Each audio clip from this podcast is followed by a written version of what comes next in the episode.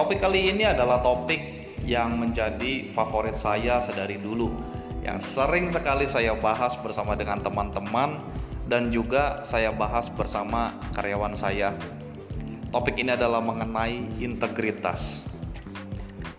Saya menjalankan prinsip-prinsip ini dan akhirnya membawa saya pada titik ini yang sedang saya jalani sekarang dan saya percaya integritas akan membawa seseorang menuju impian yang paling diinginkannya dalam hidup.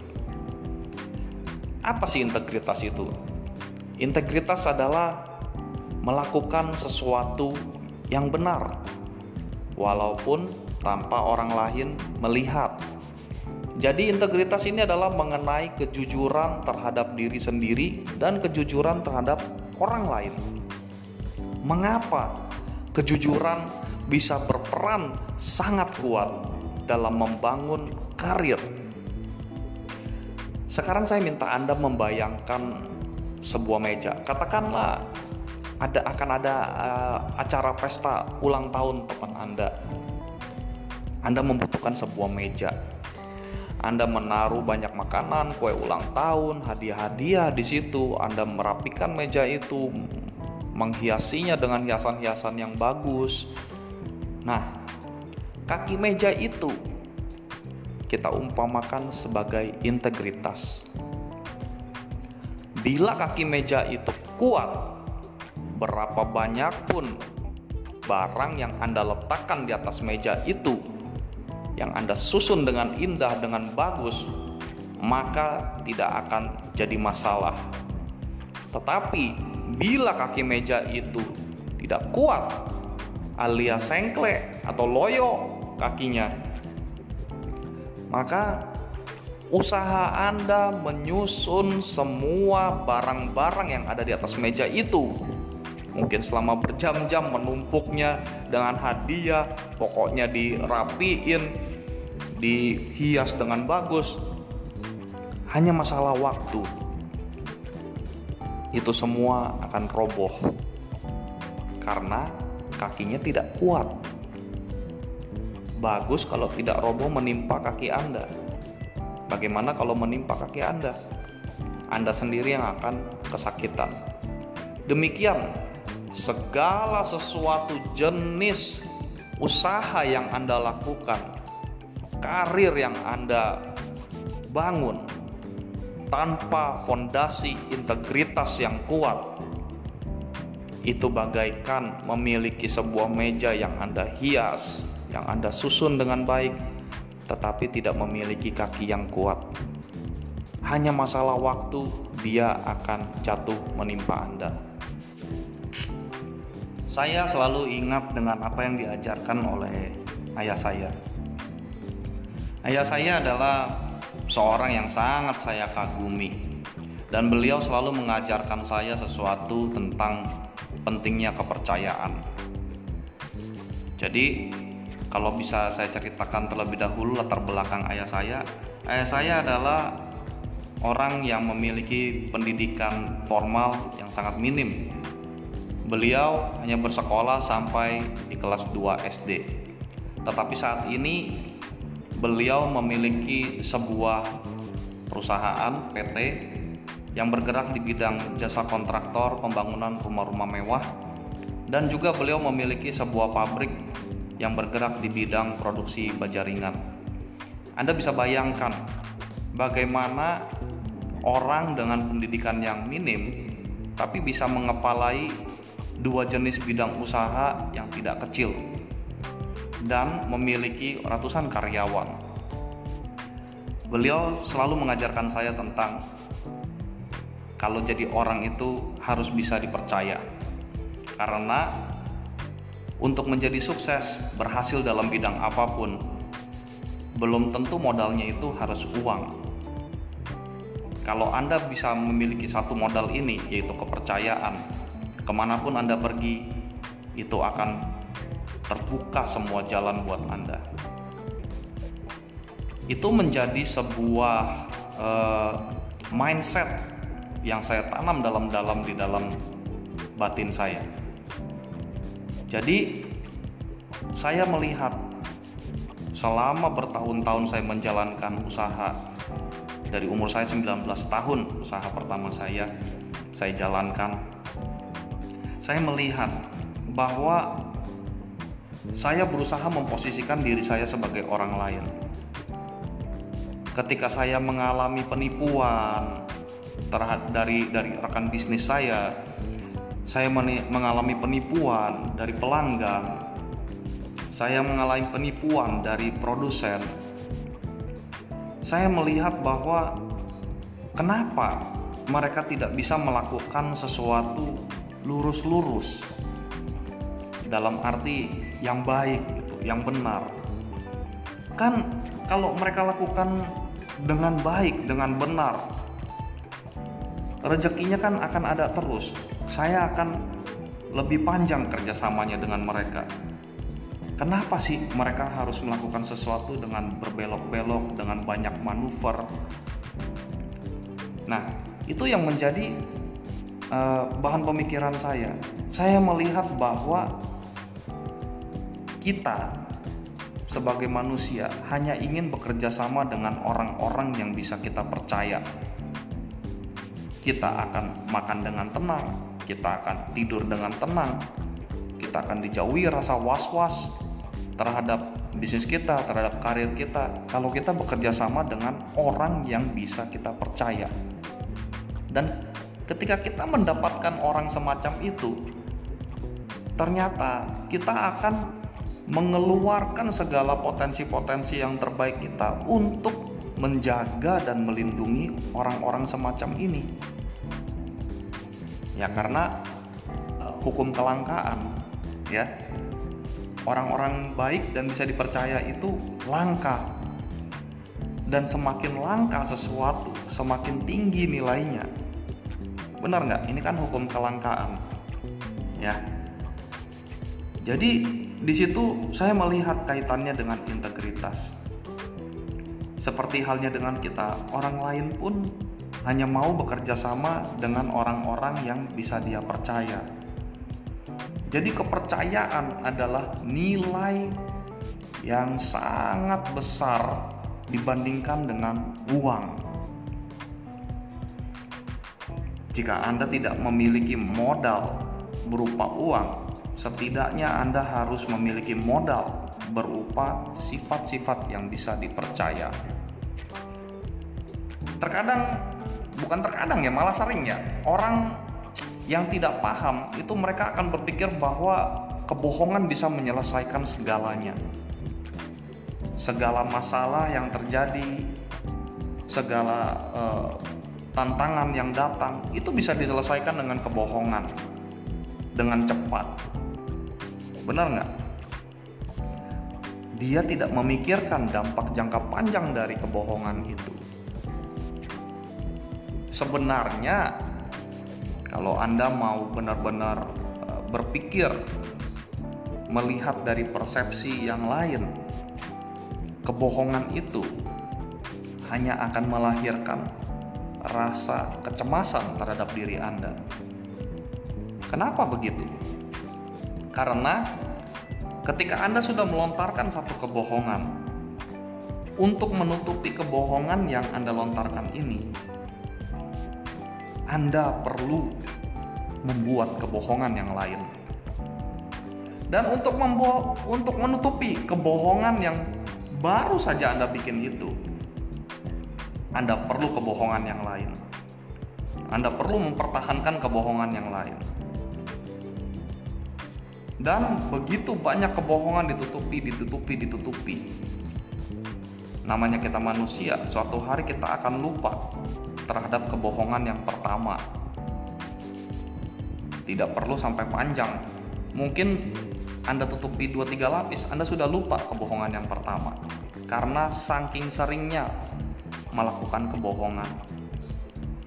Jadi, orang lain yang pernah Anda bohongi itu tidak akan selamanya bodoh ketika dia melihat ada kebohongan yang tidak sinkron dengan kebohongan yang sebelum-sebelumnya. Aha, di situlah Anda tertangkap basah. Anda ketahuan bahwa Anda telah berbohong.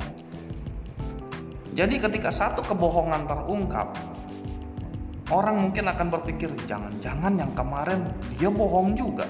Jangan-jangan yang kemarin dia bohong juga.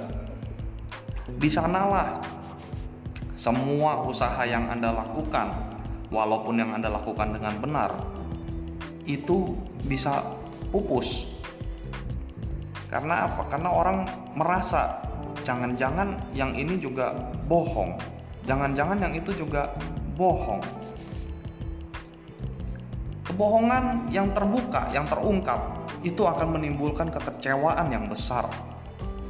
Dan itu akan mengurangi nilai trust, kepercayaan orang terhadap diri Anda. Saat kebohongan ini sudah terungkap, cuma masalah waktu ya. Saat kebohongan ini sudah terungkap, tidak ada apa pun yang Anda bisa lakukan memperbaikinya akan jauh-jauh lebih sulit daripada membangunnya dengan integritas atau kejujuran. Memperbaiki lebih sulit, memperbaiki kepercayaan itu lebih sulit, jauh lebih sulit. Jadi, pertimbangkanlah kembali ketika Anda berpikir untuk merancang sebuah kebohongan. Bukan bukan berpikir, "Oh, saya harus jadi lebih mahir dalam berbohong." Bukan. Anda harus berpikir bahwa ya itu seperti kata pepatah, sepandai-pandainya tupai melompat, satu hari dia akan kepleset juga. Nah, saat dia kepleset, itu mungkin akan jadi fatal buat dirinya. Saya suka berdiskusi dengan orang-orang yang berpikiran lebih terbuka dan berpikiran lebih maju, terutama tentang masalah pendidikan Ya, saya melihat bahwa ada begitu banyak sistem yang keliru dalam pendidikan kita di Indonesia ini terutama. Jadi murid-murid yang datang ke sekolah itu dipaksa dijejelkan data yang sudah tersedia, data yang sudah ada ke dalam otaknya, ke dalam pikirannya.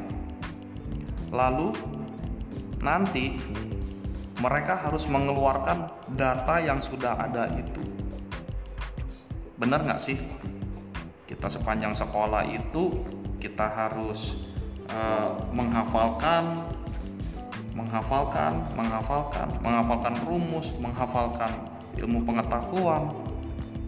Jadi kita tidak dirangsang atau didorong untuk menemukan discover sesuatu yang baru itu sistem yang salah yang pertama. Yang kedua, kita diarahkan untuk berkompetisi, bersaing, bukan untuk bekerja sama satu sama lain. Kita diharapkan untuk jadi yang terbaik melalui sistem ranking, ya ranking satu. Nah, kita dia diarahkan untuk itu tetapi tidak pernah diajarkan untuk bekerja sama. Karena hal itu, terbentuklah sebuah mentalitas bahwa kita ingin jadi orang yang paling benar sendiri. Karena kalau kita keliru atau kita salah, artinya kita bodoh. Nah, di sekolah seperti itu. Murid-murid yang lebih pandai itu akan mendapatkan perhatian yang lebih dari gurunya Sedangkan murid-murid yang tidak pandai, ya belum pandai, itu seolah-olah kayak menjadi masyarakat lapisan kedua, ketiga, keempat yang pokoknya tidak akan di e, terlalu banyak digubris oleh gurunya. Padahal kan sebenarnya yang belum bisa harusnya membutuhkan perhatian yang lebih. Bahkan di beberapa sekolah murid-murid yang belum pandai ini dicap dengan label bodoh. Nah, inilah yang membentuk mentalitas kita kebanyakan orang Indonesia. Kita mau diri kita paling benar. Kita mau diri kita paling hebat. Jadi, kita tidak bisa menerima kritik. Kita tidak bisa menerima masukan. kita selalu menangkis semua hal yang diarahkan kepada kita, kritik, masukan. Kita menganggapnya itu adalah sesuatu yang akan menjatuhkan yang membuat kita terlihat bodoh dan kita tidak mau terlihat bodoh. Akhirnya kita membentengi diri kita. Nah, apa kaitannya dengan integritas ini? Kebanyakan orang ketika kebohongannya sudah ketahuan, sudah terungkap, alih-alih meminta maaf untuk memperbaiki segalanya, membangun kembali kepercayaan yang sudah uh, terluka atau rusak. Orang-orang itu lebih banyak mempertahankan kebohongannya dan berusaha putar otak untuk menciptakan kebohongan lain agar kebohongan yang sebelumnya ini terlihat bukan kebohongan Permasalahannya adalah lawan bicara Anda, orang yang Anda bohongi, belum tentu akan menerima itu. Bisa jadi dia terlihat iya, iya, mm -mm. iya, iya, oke, ternyata begitu ya. Mm -mm. Tapi di dalam hati dia tahu bahwa ini pun kebohongan. Itu. Nah, orang-orang yang tidak bisa dipercaya ini tentunya tidak akan dipertahankan. Tidak akan dipertahankan sebagai mitra bisnis, tidak akan dipertahankan di dalam tim. Karena mereka bagaikan buah yang memiliki kebusukan, mungkin sedikit busuknya. Tetapi kalau mereka ada di dalam tumpukan buah segar, satu buah busuk ini kebusukannya akan menyebar ke buah-buah yang lain. Dan akhirnya buah di dalam satu peti itu rusak. Maka dia harus dipisahkan. Dia harus dikeluarkan. Dia harus ditendang dari golongan buah-buah yang masih bagus ini. Begitulah cara berpikir seorang seorang bos seorang pemimpin seorang leader ya terhadap mitra bisnisnya, terhadap orang yang dipimpinnya. Jadi seorang pembeli pun pelanggan ya even seorang pelanggan, seorang customer kalau Anda menjadi seorang pelanggan, Anda pun juga akan melakukan hal yang sama. Benar nggak? Ketika Anda memilih uh, produsen atau ketika Anda memilih uh, penjual, seller, ketika Anda mau membeli sebuah barang atau menggunakan jasa uh, seseorang penyedia jasa, ketika Anda melihat ini tidak bisa dipercaya, ini saya lagi dibohongin, Anda pasti akan mengeluarkan dia dari bucket list Anda. Ya, ibaratnya sudah tidak akan menjadi prioritas Anda, tidak akan Anda dekati. Jadi itulah kenapa integritas adalah barang mewah. Anda mungkin tidak punya uang, tetapi kalau Anda bisa mempertahankan integritas Anda, Anda mewah, Anda luxurious, Anda mahal harganya.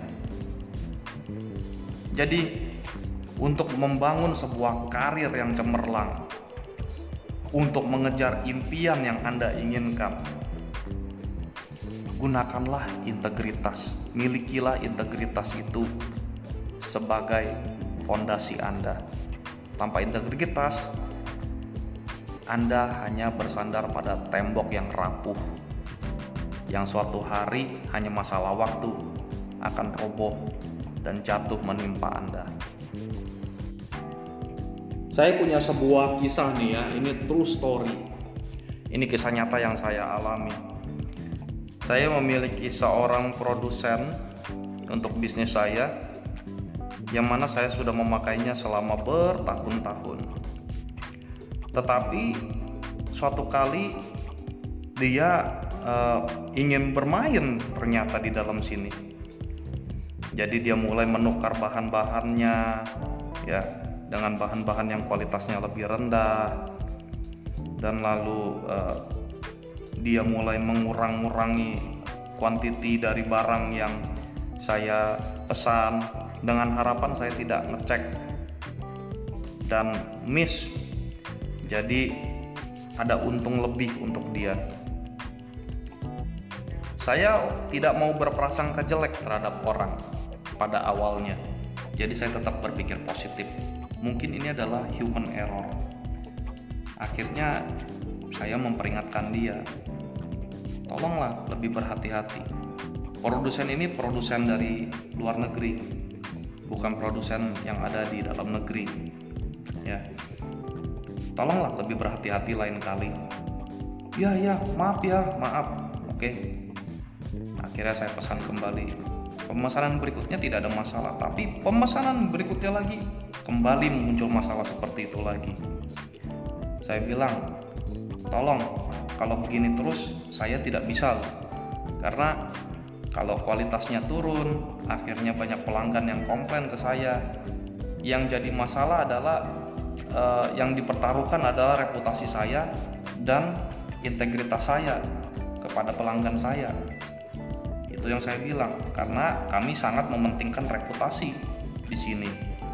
Karena bagi saya reputasi akan mendatangkan referensi. Reputasi yang jelek akan mendatangkan referensi yang jelek. Reputasi yang baik akan mendatangkan referensi yang baik. Itu prinsipnya. Dia minta maaf dan akhirnya kembali normal lagi. Tetapi tidak berapa lama hal yang sama ini terjadi lagi. Ketika sudah terjadi tiga atau empat kali itu sudah bukan human error. Karena apa? Segala sesuatu yang berpola ya segala sesuatu yang berpola itu berarti ada program. Nah artinya dia sudah merencanakan itu sebenarnya. Akhirnya ya sudah saya cut bisnis saya dengan dia. Padahal saya melakukan banyak pengambilan besar terhadap dia. Saya cut bisnis saya dengan dia. Lalu saya putus kontak. Dia mencoba menghubungi saya berkali-kali minta maaf minta maaf. Dia nanya halo bro are you mad of me? Are you angry? Dia bilang ya enggak sih. I already forgive. Ya saya sudah memaafkan dengan segera tetapi saya tidak akan melupakan. Kenapa karena jika anda hanya memaafkan lalu anda melupakan seolah-olah kejadian itu tidak pernah terjadi itu yang bodoh anda. Kenapa? Seperti halnya begini. Uh, bila ada banteng lepas ya banteng lepas atau dia mengamuk gitu nyeruduk apa pun yang ada di depannya dan dia lagi berlari mengarah ke anda lalu anda berdiri di sana tidak mau menyingkir dengan alasan saya vegetarian saya nggak makan daging saya hanya makan sayur-sayuran maka banteng nggak akan nyeruduk saya Bukankah itu pola pikir yang bodoh? Sudah pasti itu pola pikir yang bodoh. Kenapa? Banteng tidak akan peduli Anda vegetarian atau Anda tidak vegetarian. Dia melakukan apa yang secara natural, secara alami akan dia lakukan. Yaitu ketika dia merasa terusik, dia merasa terganggu, dia akan nyeruduk. Itu adalah sifat alaminya sifat alami orang-orang yang gemar berbohong sudah pasti berbohong dia eksploitatif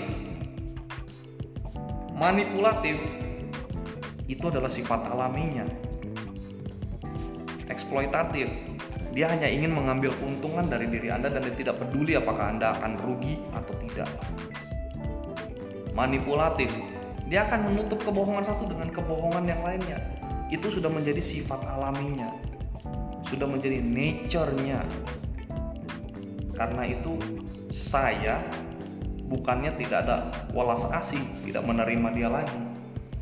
Bahkan sekarang semua kontak saya blok terhadap dia dia mencoba kirimin lewat sosmed kirimin lewat apa pun itu semua sudah saya blok ya nah jadi bukan bukannya saya tidak berwalas asih sama dia tetapi saya tahu kalau nature-nya orang seperti ini dia pasti akan melakukan hal yang sama terus.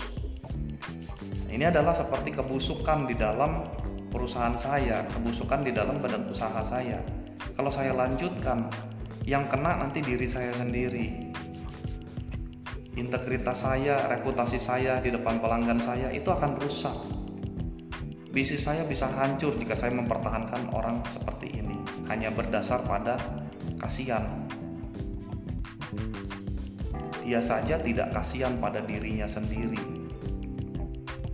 Dengan melakukan banyak kebohongan, melakukan trik-trik cara-cara yang tidak jujur, sebenarnya Anda sendiri tidak kasihan terhadap diri Anda. Anda bergerak untuk merusak diri Anda sendiri. Jadi, untuk apa kita berusaha menolong orang yang tidak mau menolong dirinya sendiri? Betul nggak? Itulah mengapa integritas itu harus dijadikan prioritas nomor satu dalam attitude Anda. Kemarin kita sempat membahas bahwa attitude, sikap mental itu adalah dasar dari usaha atau membangun karir. Nah, integritas adalah pondasinya attitude, sikap mental itu. Semoga ini membawa manfaat buat Anda yang mendengar. Terima kasih.